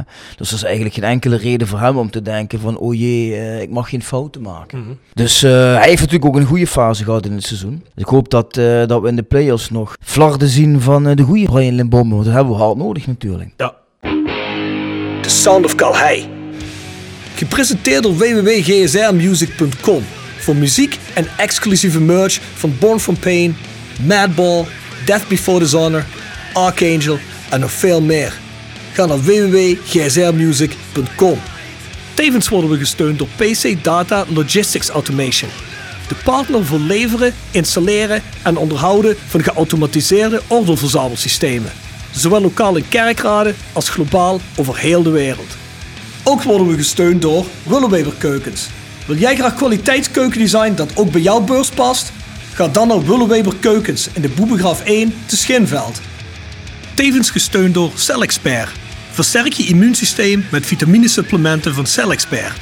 Roda supporters krijgen 15% korting met de kortingscode RODA15. Hebben we een song? Hebben wij een song. Ik ga One Kiss van Dua Lipa erin zetten. En, hè, hoe Dat je denken, daarbij? dat denken mensen, hè, waar komt die Fransen mee, weet je wel, Ja. is popmuziek. Ik heb die mee één keer jaren geleden live gezien, toen we Ja. Mabel op tour waren. Het was een groot festival op Roskilde in eh, Denemarken. Toen zegt Freddy de zanger zegt tegen me, ik luister dat thuis wel eens met mijn vrouw, we gaan dat kijken. Dat is echt te gek, dat is echt goede popmuziek. Nou, ik had die live show gezien en ik was verkocht, ik vond, vond het super. Mooie meid, goede stem. Super catchy songs. Ja, voor Ja. popmuziek vind ik dit echt wel... Ja. eh, dit en The Weeknd vind ik voor popmuziek... eh, Ze heeft ook mega. continu eh, hits, hè? Dus je hoort daar eh, voortdurend op de radio. Ik vind het super. Deze keer eh, doe ik eens een popmuziek duid in het zakje. Heb je er ook een? Of eh, wil je er ook eens in zetten? Of heb je niks? Nou goed, eh, ik heb af en toe, weet je wel, eh, fases dat ik terug eh, ga naar mijn jeugd. En dan eh, luister ik bijvoorbeeld één of twee of drie weken alleen maar één band waar ik fan van was toen ik misschien 18 of, of 24 was, weet je wel. En, 24. ehm, je, bent, net- je bent net 28, Bjorn. Dankjewel. Dankjewel. Ik heb de afgelopen weken heb ik weer heel veel geluisterd naar Sepultura.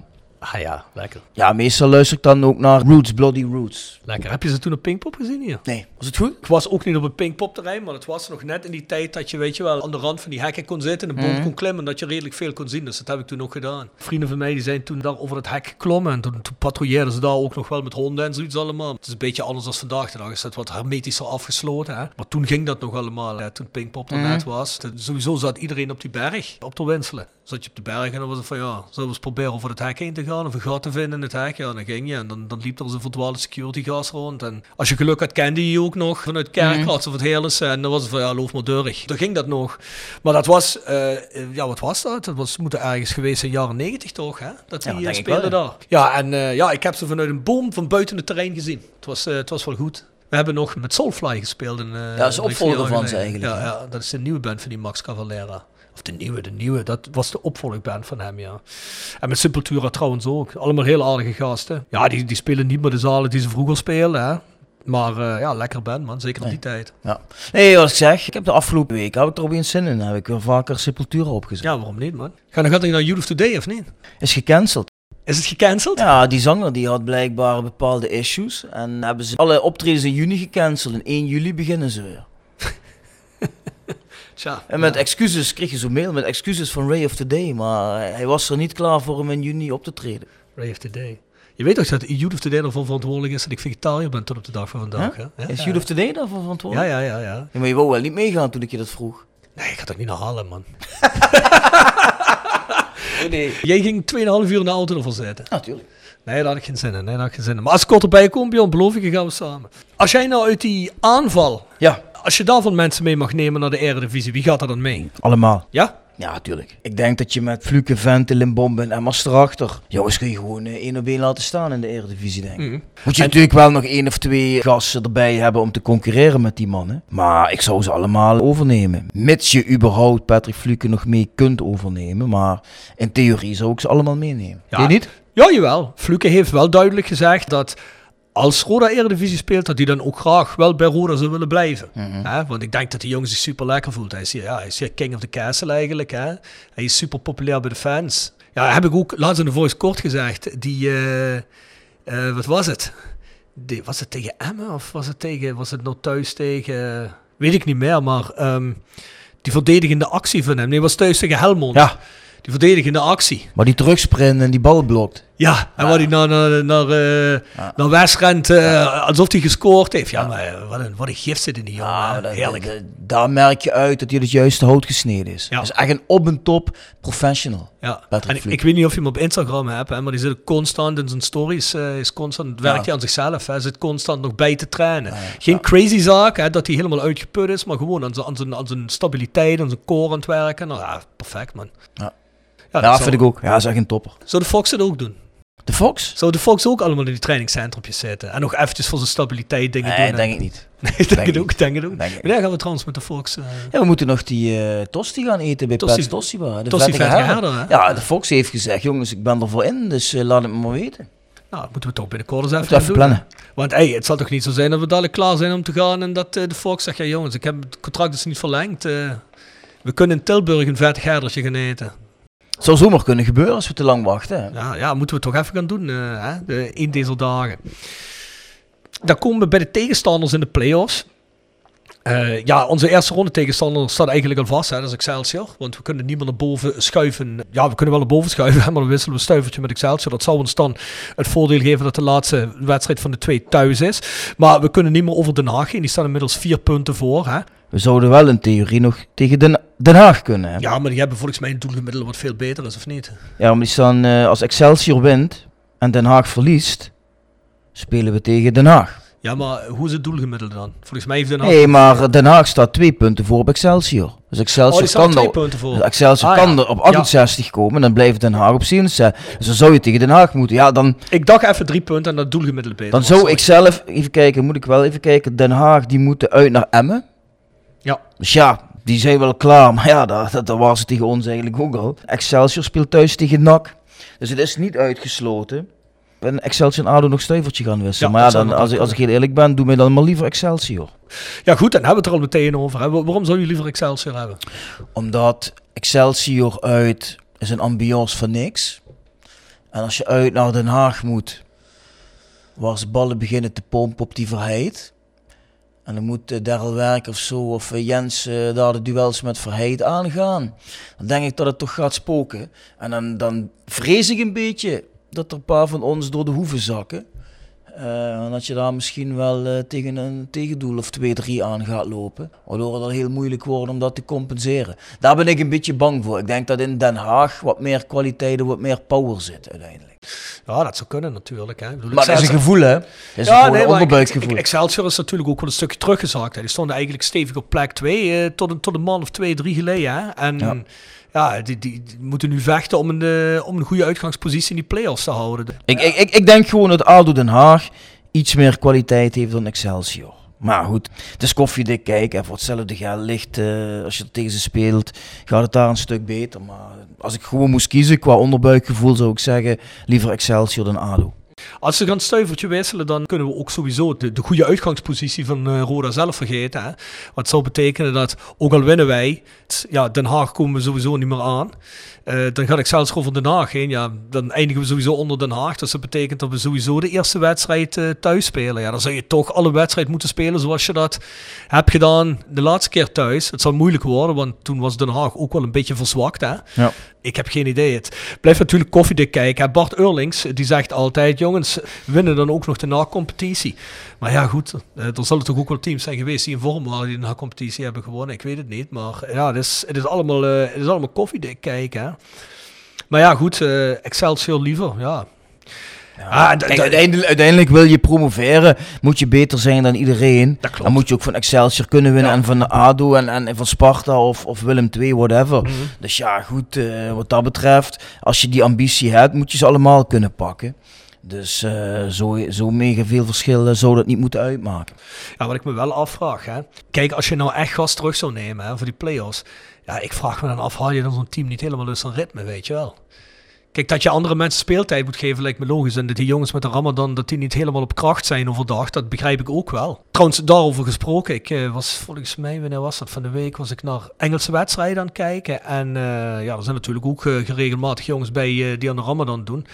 En daar waren er een paar ploegen bij waarbij, eh en dat mag schijnbaar van het geloof, dat je die Ramadan mag inhalen. Dat je die mag uitstellen voor sommige dingen. En dus ja, ik vraag me af, zou dat eigenlijk niks zijn eh, voor een Benji en Van den Berg, dat ze zeggen van ja, haal, haal het in als de competitie voorbij is. Ja, ik wil natuurlijk niet meer Nee, op maar er zijn, eh, er zijn ook genoeg jongens die, die aan de rammen dan meedoen, maar die zeggen, luister, ik eet wel gewoon op wedstrijddagen. Mhm. En die dagen haal ik dan later in. Er zijn jongens die dat doen. Maar je hebt er zo ook die natuurlijk die zeggen van ja, nee, mag eigenlijk niet. Dus eh, ik doe gewoon zoals het hoort. Ja, het is wat het is. Ja. Maar zo'n Amir Absalem, volgens mij is hij ook moslim toch? Hè? Mhm. Doet hij ook in de Ramadan? Weet ik niet, ik denk het wel. Vermoed van wel. Daar heb je natuurlijk ook heel veel facties in, in dat geloof. Hè. Strenger en minder strenge. Mensen die vanzelf meer streng zijn dan, dan anderen. Eh, ik hoor altijd alleen maar eh, hebben over Van den Berg en over Benji. Maar eigenlijk nooit over, eh, Nee. voor Absalem. Dus ik vraag me af of hij... Want hij speelt volgens mij ook altijd hele wedstrijden. Maar jij bent toch ook moslim of geweest of niet? Ah, geweest hè. Geweest? Ja, tot, tot eergisteren. Ja?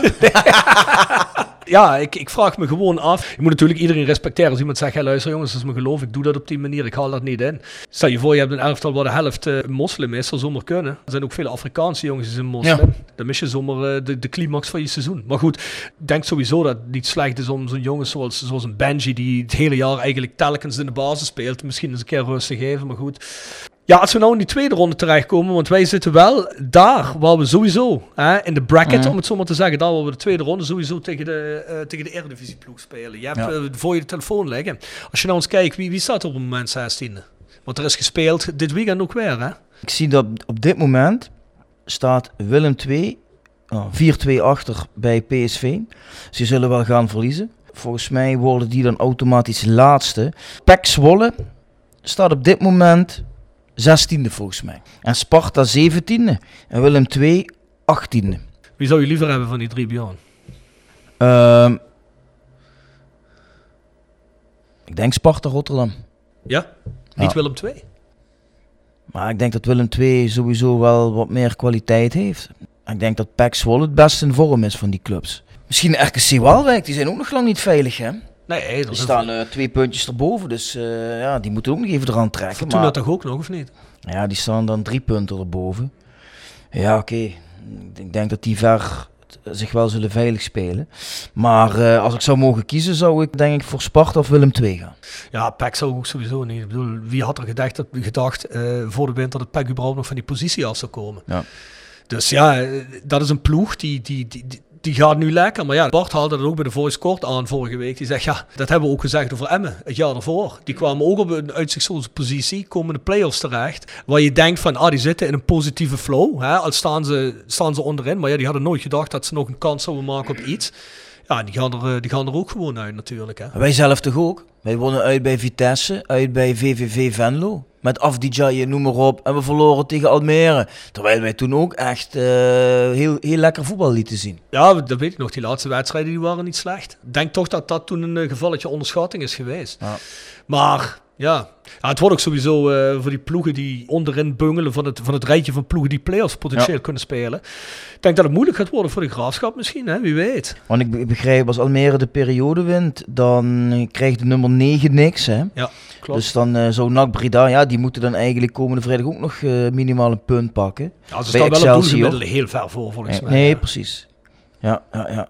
Het is bijna niet realistisch, maar om zeker te zijn moet je een punt halen. Om heel zeker te zijn. Maar Almere, gaan die de periode nog pakken? Want ik heb net gezien dat Eindhoven ook nog eh, nu tussen Emmen en Roda is gekropen voor die periode. Dus ja, als Eindhoven die laatste wedstrijd wint, winnen hun gewoon de periode. Hè? Ja, ik moet je sowieso respect voor hebben voor de prestaties van FC Eindhoven, vind ik. Met zo'n lage begroting dit neerzetten. Die hebben zeven punten meer dan wij. Die staan inderdaad tweede in de periode achter eh FC Emmen. Eén punt voor op Almere, die staan derde. Wij staan nog steeds vierde trouwens. Ja, ja. Zelfs wij zouden nog die periode kunnen pakken. Nou ja, niet op Emmen. Niet op Emmen, maar Emmen heeft er alleen. Dus je zou die, ja. die periode kunnen krijgen dan eigenlijk, Ja, als ja, het ware. het schildje dan. Nee, FC Eindhoven, die, en die hebben nog geen periode denk Nee. ik dan hè. Volgens mij ook niet. Dus eh, die verdienen het ook wel eerlijk gezegd. Ja, goed, maar dat zou dat betekenen dat in ieder geval hè, eh, de graafschap wel mag deelnemen. Want dat zag er toch heel even niet zo uit. Ik denk dat Almere samen misschien met Roda toch wel de grote verliezer is van de laatste twee speelrondes. Die stevenen toch echt rechtstreeks af op een, eh, op een periode. Waar zou je meer bang voor zijn in een periode, mocht je ze tegenkomen? Eh, de graafschap of Almere? Almere. Ja? Nou, ik zou veel liever tegen de graafschap spelen. Almere vind ik echt zo'n ploeg. Kijk, als je nou gaat kijken, dan zijn FC Emmen en Volendam verbaas ik me totaal niet dat die 1 en 2 zijn. Want die hebben gewoon ook het hoogste budget. Maar ik denk dat eh, Almere City eh, zich daar ook bij mengt. En die eh, hebben eigenlijk gewand presteerd. Maar uiteindelijk qua individueel kwalitatieve spelers hebben die wel echt goede voetballers hoor. Want die hebben het onder Pastoor ook veel beter gedaan dan onder Verbeek. Ik denk dat, Ah, ja. dat, ik denk dat die ook zo slecht gespeeld hebben, want die Verbeek natuurlijk een beetje koekwous is. Als ze misschien het hele seizoen met zo'n Pastoor hadden gespeeld, waren die wel een stukje hoger geëindigd. Ja, want je zou ze toch zeker inschatten op een van de, van de play-off plekken. Sowieso, hè? Ja, dus ik, ik, ik denk dat ze kwalitatief meer in hun mars hebben dan de graafschap. Section Frietenboot. Gepresenteerd door Herberg de Bernardeshoeve. Weekendje weg in eigen streek? Boek een appartementje en ga heerlijk eten met fantastisch uitzicht in het prachtige Mingersborg bij Marco van Hoogdalem en zijn vrouw Danny. www.bernardeshoeve.nl En Stokgrondverzet uit Simpelveld. Voor al uw graafwerk, van klein tot groot. Onze gravels staan voor u klaar. Tevens worden we gesteund door Wiert's Company. Ben je op zoek naar extra personeel? Bezoek het kantoor van Wiert's Company in het Parkstad Limburgstadion of ga naar www.wiertz.com. Ja, die schreef ik door naar jou. Schrijf jullie dan naar mij? Ja. Ja, maar dan ga ik net Ik als heb, ik Jimmy heb al vier keer gezegd, ga ik net als frikandel en kroket Ja, en, ja, eh, klopt. Ik ga net als Jimmy. Leenders ga ik ook een biertje noemen, want anders ik bedoel, we kunnen wel Nou, bezig ik blijven. moet wel zeggen, hier bij de frituren bij het Natasha, Ja. waar, waar, waar Mo iedere dag komt, die, die heeft ook een eh, frietje eh roomsaus. En Dat is wel lekker, moet ik zeggen. Frietje roomsaus. Frietje roomsaus. Klinkt vettig. Maar alles wat vettig is, is lekker. Ja, is ook zo. Ja, frietje zelfs. Dus als ik hier woon, toch eens gaan proberen. Dat is een verhaal, hè? Ja, ja is prima. Niks mis mee. Goed. Nou, dan, dan, laten we het allemaal doen. Dan laten we het biertje doen een andere keer. Komt goed. Om af te sluiten, kans in de play-offs. Wat denk je? Ja, luister, ik hoop natuurlijk voor ganse harte dat wij hem gaan winnen. Maar als ik kijk hoeveel ploegen meedoen en dat je zes wedstrijden natuurlijk moet doorstaan. Ja, ik, ik heb op dit moment niet het gevoel dat wij hem gaan winnen. Twee wedstrijden geleden, hè, dus voor Emmen uit. Toen waren we toch allemaal wel redelijk van mening. Ja, over twee wedstrijden kan ons eigenlijk niemand echt het water rijken volgens ons. Nee, nee, nee, dat is wat ik straks zei. Toen was ik er, zat ik er best wel uh, positief in. En nu denk ik van ja, poeh, we laten toch links en rechts wel makkelijk een doelpuntje binnenschieten. En, en zelf hebben we nu al in, in, die beide wedstrijden Emmen en Den Bosch helemaal niet gescoord. Ja, dan, dan, dan wordt het toch heel lastig hè. Dus het moet een heel stuk beter dan uh, de laatste wedstrijd. Anders kan je het echt niet redden. En de vraag is natuurlijk, is dat bewust een standje terugschakelen? Of is dat gewoon het niveau waar we op dit moment acteren?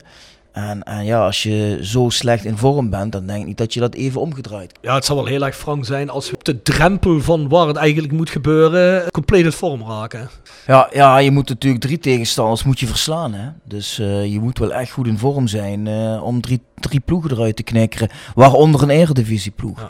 Dus uh, je moet echt het Roda zijn, zoals ze top hebben gespeeld het afgelopen seizoen. En die wedstrijden hebben ze gehad ja, je moet dat dan wel twee, twee weken lang dat niveau benaderen. Het zal toch wel een ontzettende anticlimax zijn als je na eigenlijk het leukste seizoen sinds vijf, zes jaar, dat je nog met lege handen staat. Hè? Nee, ja, nee, tuurlijk. Maar ja, al die andere ploegen denken ook van, uh, ja, we maken best een goede kans. Nee, tuurlijk, maar gewoon voor onszelf, weet je. Uh, we hebben vorig jaar hebben we dat meegemaakt hier bij die thuiskomst naar de, de graafschapwedstrijd. Ja, toen had je natuurlijk wel zoiets van, ja, het was de eerste keer weer eens iets te vieren, uh, quasi sinds, ja, sinds jaren ook. Want God knows, het is niet gemakkelijk geweest als rode fan. Ja, toen had ik wel de volgende dag meteen het gevoel, ja oké, okay, nu is uh, de climax is wel geweest. Vanaf de eerste seconde bij nek uit had ik ook niet echt het gevoel dat we daar, nee. uh, dat we daar echt iets gingen nee, maken. dat was kansloos. Maar we zijn nu echt naar iets toe aan het werken, heb ik het gevoel. En daarom vind ik het ook zo jammer, want dat gevoel wordt bij mij ook een beetje gedempt na die twee laatste wedstrijden. Kijk, en dat boeide me nog niet of je tegen een Bos goed speelt of, uh, of niet, of dat je er veel kansen ontwikkelt. Duw je er één in, dan had een Bos waarschijnlijk die goal ook nog niet eens maar gemaakt. Nee. Ik vind dat gewoon heel erg jammer, weet je wel. Want terwijl je eigenlijk in de Bos, was er eigenlijk niks aan de hand, totdat ze die goal maken. Strappel kon zeggen dat 3-0 moeten voorstaan. Heel realistisch gezien, je had misschien 2-0 moeten voorstaan. Hè. Eén van de twee had een bombe sowieso moeten maken. Dat was, dat was gewoon slecht afgerond. Ga je dan in ieder geval met, met drie punten weg, dan weet je, oké, okay, de wedstrijd was niet perfect, maar er was niks aan de hand, maar we hebben hem over de streep getrokken. Heb je toch een lekkerder gevoel. Ja. Weet je wel, net zoals we dat hebben gedaan, uh, zo'n wedstrijd tegen AZ uit. Ja. In de stromende regen, kut weer, en dan zo'n eigen goal en dan gaan we met 1-0 weg. Ja, daarna had ik niet het gevoel, oh, dat was helemaal niks, want die wedstrijd was ook niet goed. Nu is het een beetje getemperd. Kijk, van Emmen uit mocht je ook eigenlijk misschien niet veel verwachten. Die ploeg is op het moment gewoon de beste ploeg in die eerste divisie, maar ja, spelen het hele seizoen dat niemand, doen ze eigenlijk voor onder, ja, dan sta je toch... Nee, uh, kijk, en ik vind vooral met jongens als een Fluke, Vente, Emmers zou je toch verwachten dat je altijd en overal wel een doelpuntje ja. erin prikt. En als je dat al niet doet, vind ik wel zorgelijk. Maar vooral ook, maar dat is eigenlijk voer voor een hele andere podcast. Daar, daar, daar, daar zullen we misschien in de komende weken nog wel eentje over moeten doen. Maar eigenlijk heb je ook heel sterk het gevoel dat Roda deze play-offs wel moet winnen. Want als je weer KKD bent en een fluke gaat je lopen en dat wordt financieel in ieder geval niet rooskleuriger dan dit seizoen, ja, dan heb je het idee dat je volgend seizoen ook niet om plek 1 en 2 gaat spelen. Ja. Zeker niet als er een Sparta of een Willem 2 of een PEC Zwolle gaan degraderen met veel geld. Eigenlijk denk je van het moet nu gaan gebeuren. Ja, dat, uh, dat is zeker iets. En dat maakt het nog spannender eigenlijk. Ja, het is niet zo dat je denkt van nou als het dit jaar niet gebeurt, volgend seizoen krijgen we wat meer geld en gaan we voor plek 1 spelen. Mm. Dat gaat waarschijnlijk niet gebeuren. Nee, of houden, of we houden in ieder geval de selectie bij elkaar. Ja. Dat gaat ook niet gebeuren. Kijk, sowieso, zoals gezegd, Sociaal zegt, Fluke gaat weg als we niet promoveren. Ja, en dan heb je altijd de kans dat iemand voor, uh, voor Vente of voor, uh, voor Boetchouari komt. Alhoewel, Dylan Vente persoonlijk zei, Roda heeft me die kans gegeven, ik ga zeker niet weg op het einde van het seizoen. Nou ja, goed, uh, je weet het nooit, in voetbal kan alles, hè. Dus, Tuurlijk. Tuurlijk, kijk, zo'n eh, Willem II die halen dan de, die spits van Den hè, die Jis Hornkamp. Dan denk ik, ja goed, eh, best een goede spits, maar ik denk dat Vente niet minder is. Nee, dat het zou, best zo kunnen zijn dat zo'n clubje het rechterrijtje denkt van ja, ik leg je parton voor Dylan Vente neer en dat Rode misschien moet toehappen om, om gaten te kunnen dichten. Ja, ga dan maar weer opnieuw beginnen. hè. Ik denk dat het bij een speelwijze zoals Cambuur al een aantal jaar speelt, of hoe Twente nou speelt. Ik denk Ja. dat daar een Dylan Vente gewoon eh, perfect in zal passen. Dat denk ik ook. Dat denk ik ook. En ik denk dat hij ook helemaal niet zal misstaan, zelfs bij een Twente. Die worden misschien nu Nee. wel vierde of vijfde. Er zullen misschien Nee. mensen zeggen, het is te hoog gegrepen. Maar ik denk dat in die speelwijze, na, de- na die twee seizoenen bij Roda, dat, hij dat, eh, dat hij er best wel zou aan Bij kunnen. Heerenveen staat nu die Sidney van Hooijdonk. Nou, ik zou eh Vente niet willen ruilen tegen Sidney van Hooijdonk. Nee. Want je weet, hebben we al vaker gezegd, en dat zal geheid in de off-season gaat het weer aan de orde komen. Maar als de Phoenix groep doet wat ze hebben afgesproken, tot nu toe hebben ze het nog altijd gedaan. En dat is dan namelijk dit komend seizoen 5 ton minder erin steken. Ja, dan weet je dat het eh, lastig wordt om je, budget eh, op peil te houden. Laat staan te vergroten, wat eigenlijk nodig is. Dus dan, eh, daarom ben ik voor mening van dat het nu moet gaan gebeuren. Ja, het wordt in ieder geval spannende weken. Ja, en laten we dan ook hopen dat die prijs voor promotie, dat Richard Jensen die boven zijn hoofd mag houden. En geen missie maat dit jaar. Want volgens mij is er een groot openluchtconcert op de maat. eh, Precies op die dag. Oh ja? Ja. Nou, dan, dan ja, goed, die luidt toch weg? Ik, ja, ik vind het best. Ja, daar heeft dus bij Roda nooit iemand rekening mee gehouden dat we gaan promoveren. Toch, toch niet via de play-offs zeker, want ja, anders dan ga je toch wel eens voorzichtig informeren. Voor de winter, jongens, pas op, die laatste play-off dag is op die en die zondag. We houden wel rekening mee dat, dat we dat misschien vrij moeten houden op die dag. Maar ja, goed, Zou zou, denken, kunnen ja. bij, zou kunnen bij het stadion of bij de Rode Hal, hè, waarom niet? Ah, En anders moeten we naar het Vrijthof of zo. Of de Markt de Sittard, die is ook groot. Dat is ook groot genoeg. Ja, ja, zeker. Ja, Bjorn, ik denk dat we het wel eh, hebben voor wat play-offs betreft. We doen nog even de kogels terugkopen. Kogels terugkoppen. Gepresenteerd door Van Ooyen Glashandel. Sinds 1937 vervangen en repareren wij al uw glas met veel passie en toewijding. Met 24 uur service. www.vanooyen.com En Quick Consulting. Laat finance waarde toevoegen aan je organisatie.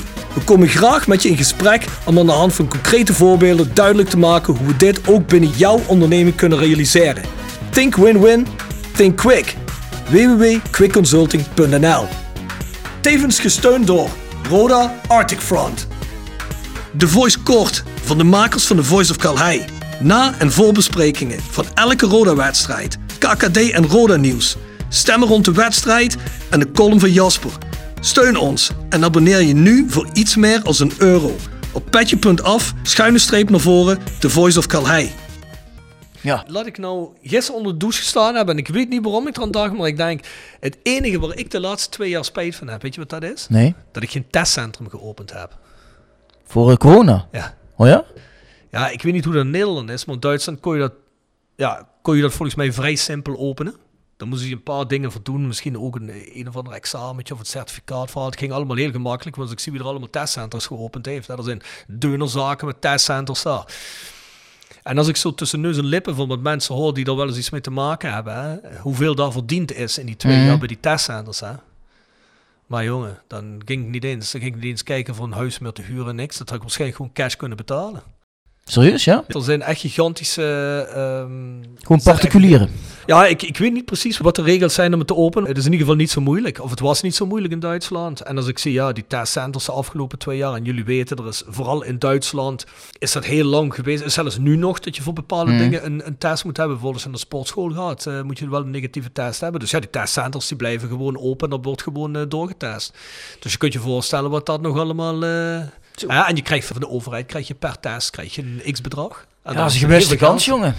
Ja, jongen, Maar ja, hey, met de wijsheid van nu had je een hele hoop dingen anders gedaan, hè? Ja, met de wijsheid van de jongen. Oh, had ik al heel vroeg aandelen in Microsoft gekocht. Dan had ik duizend bitcoins gekocht. Maar je hebt in ieder geval geen verhaal over kaarsen of iets dergelijks vroeger in je jeugd met meiden en, en dat soort dingen. Dat heb je nooit in gedaan, ieder hè? geval niks wat ik me kan herinneren. Nee, Nee, nee, nee. Jij wel. Ik heb daar wel enige ervaring mee, maar ja, ik ga dat nu natuurlijk niet meer delen hier, hè? Ervaring puur uit eh, professioneel gebied. Nee. Dat is toch eigenlijk een verhaal dat hij misschien beter niet kunnen vertellen, toch? Nee, natuurlijk had hij dat beter, achteraf zeker beter niet kunnen vertellen. Maar je weet toch, die mannen van VE, bedoel, dat is toch geen hele verdienmodel. Mensen chockeren, uh, net de grens opzoeken of een beetje eroverheen ah, gaan. Kijk, uh, René van der Gijp uh, stond vandaag met een interview, die zegt dat verhaal is, is bullshit, het heeft helemaal niet plaatsgevonden. Hij wou daar alleen maar een beetje dat verhaal van die Johnny de, de Mol mee ah. nuanceren. Dat is gewoon een verzonnen verhaal, snap je? Maar en dat dat niet slim is, snap ik ook wel. Maar wat ik zelf niet goed tegen kan, is al die lui die dan meteen roepen van hij is een verkrachter, hij moet van de tv af. Dan denk ik, jongens, doen jullie nou nooit iets verkeerd? Zit het dan zo'n brave Hendrikken? Hebben die nog nooit een winkeldiefstal gepleegd? Of als je bij iedereen gaat zoeken, iedereen heeft zondes. Niemand is uh, zonder zonde. Dan denk ik, kijk gewoon eerst naar jezelf voordat je anderen helemaal gaat cancelen. Ik heb er niet zoveel mee, dat, dat cancelen van mensen. Nee. Ik, ik neem zo'n verhaal van Johan Derksen tot mij. Dan denk ik, oh Johan, wat een verhaal, gek. dan ga ik weer mijn eigen leven leiden. Ik ga toch niet naar, naar Grollo rijden om daar spandoeken op te hangen. Dat Johan Derksen verkrachter is. Dan denk ik van, ja, waar gaat het over? Slim is het niet. Je hebt precies gelijk. Het is het model waarop ze de, de uitzending maken. Ja. Maar met de cancel heb ik ook niet veel. Ik heb liever een open communicatie. Mensen gewoon met elkaar over iets praten. Hè? En dan kun je ook zeggen van ja goed, eh, misschien heb ik het inderdaad verzonnen. En dan kunnen mensen zeggen, ja maar eh, is niet cool, zoiets, eh, zoiets hoeft niet. Dat, dat gaat over een grens heen. Daar kan ik ook nog bij inkomen, maar dan denk ik, kun je er toch over praten. En dan kun je toch zeggen van dan ben ik over een grens gegaan. Ja sorry, ging te ver, oké, okay, had ik niet moeten doen. Ja, maar op dit, dit was in 1972 of iets dergelijks. En, en dat is 50 jaar geleden. En dan heb je luisterjes erbij die dan binnen een uur nadat die man zoiets zegt, hebben die uitgevogeld op het internet. Of ze hem nog kunnen pakken voor verkrachting. En die gaan dan uh, kijken of ze het slachtoffer van toen kunnen vinden. Dan denk ik, oh mensen, hey, met alle respect. Maar zoals gezegd, ik, ik, ik, denk zelf ook niet dat dat gebeurd is. Volgens mij is dat gewoon een beetje kleedkamer, stoere verhalen. Ik denk, je, dan merk ik dat al die anekdotes die zij vertellen, dat dat allemaal letterlijk zo gegaan is. Er wordt een hele hoop aangedikt. Ja, tuurlijk, tuurlijk. Ja, kom op. Dat doen wij ook wel eens hier in de Net podcast. Zoals hier, ja, zeker. Ja, de helft is verzonnen. Zo is dat. We gaan het zien de komende weken waar we gaan eindigen. Maar laten we om te besluiten even de vrienden van de podcast benoemen. Jegers Advocaten. Next door Kapsalon Nagel en Beauty Salon. Hotelrestaurant de Veilerhof. Herberg de Bernardeshoeve. Noordwand. www.gsrmusic.com. Stok Grondverzet. Rapi Autodemontage. Van Ooyen Glashandel. Quick Consulting. Wiertz Company. Fendo Merchandising. Nederlands Mijnmuseum. Marimi Solar Hele. Roda Support. PC Data. Metaalgieterij van Geelst. Willeweber Keukens. Celexpert.nl. En Roda Arctic Front. Dat zijn Roda fans uit Scandinavië. Scandinavië, precies. Voordat ik het mailadres ga noemen en de site en et cetera, et cetera. We gaan proberen de uitreiking van de Dick Nanning Award dit jaar iets meer aan te kleden. Wordt nog over gebrainstormd kunnen jullie waarschijnlijk allemaal heen komen als je dat wil. Hè? Als die aan de speler wordt uitgereikt. Voor de mensen die niet weten wat de Dick Nanninga Award is, hebben we vorig jaar de eerste keer in het leven geroepen. Hè? Dan kunnen jullie als fans kunnen kiezen online. Wie volgens jullie de beste speler bij Roda is dit seizoen? Daar hebben we ook een hele mooie prijs voor in de vorm van een Dick Nanninga pokaal, hè? die ook echt Dick Nanninga zelf is. Hè? Die wordt gemaakt door Metaalgieterij van Gelst. Ook binnenkort komt daar de pagina voor online om daar weer te kiezen. En bovendien voor de mensen die zich afvragen, wacht even, was het niet een drieluik met Solvay Kuijer? En waarom is het nu de Players are coming en niet Solvay Kuijer 3? Nou, dat komt omdat we in de afspraak zaten met Solvay Kuijer. Dat hebben jullie misschien ook meegekregen in de podcast. Of misschien staat het er ook niet op. Misschien is het eruit geknipt, weet ik niet. Maar in ieder geval, we zaten al op zoveel tijd met Solvay Kuijer dat we aan Solvay kun je hebben voorgeslagen. Hey, Sophie, wil je niet misschien een keer terugkomen? Want we hebben het helemaal niet gehad over die hele fusieperikelen toen. Daar zat hij natuurlijk uh, middenin. En uh, toen heeft hij gezegd, dat is goed, daar kom ik over praten. kom ik een derde keer terug. En die gaan we volgende week opnemen. Ja goed, uh, ik denk dat dat voor de meeste mensen... Hè, we krijgen heel veel goede feedback op die twee Sophie Kuijer afleveringen. Maar ik denk dat de meeste mensen toch wel zitten te wachten, vooral op deze derde. Hè, en hoe hij uh, toen de tijd in ja. de fusie stond. Hoe hij zich dat allemaal ontwikkeld heeft toen. En vooral, en dat heeft hij al drie keer benadrukt, hoe die er nu eigenlijk helemaal niet meer op die manier in staat. Ik ben benieuwd. Ik denk dat het een hele interessante gaat worden. Ja, ja. Hij zegt nu, uh, uh, geloof ik in iets heel anders. Maar zegt hij, dat was toen, dit is nu. Zeg ik, kan niks aan veranderen, maar ik ga er wel over praten. Dus ja, dat moet een interessante worden volgens mij. Hey, de voice of Clay at south16.com is ons e-mailadres. South16.com, hè, dat is Romeinse 16, hè, xvi.com is onze website. En petje.af, schuine streep naar voren, de voice of Calais is onze Voice Kort website waar je voor minder als de prijs van een kop koffie naar de wedstrijd, nabesprekingen en voorbesprekingen kunt luisteren met Jasper Kluten en Bart Eurlings. En vergeet je niet te abonneren, daar wordt deze podcast streamt en die kun je gewoon voor niks abonneren en volgen. Ik zou zeggen, tot de volgende keer. Adieu.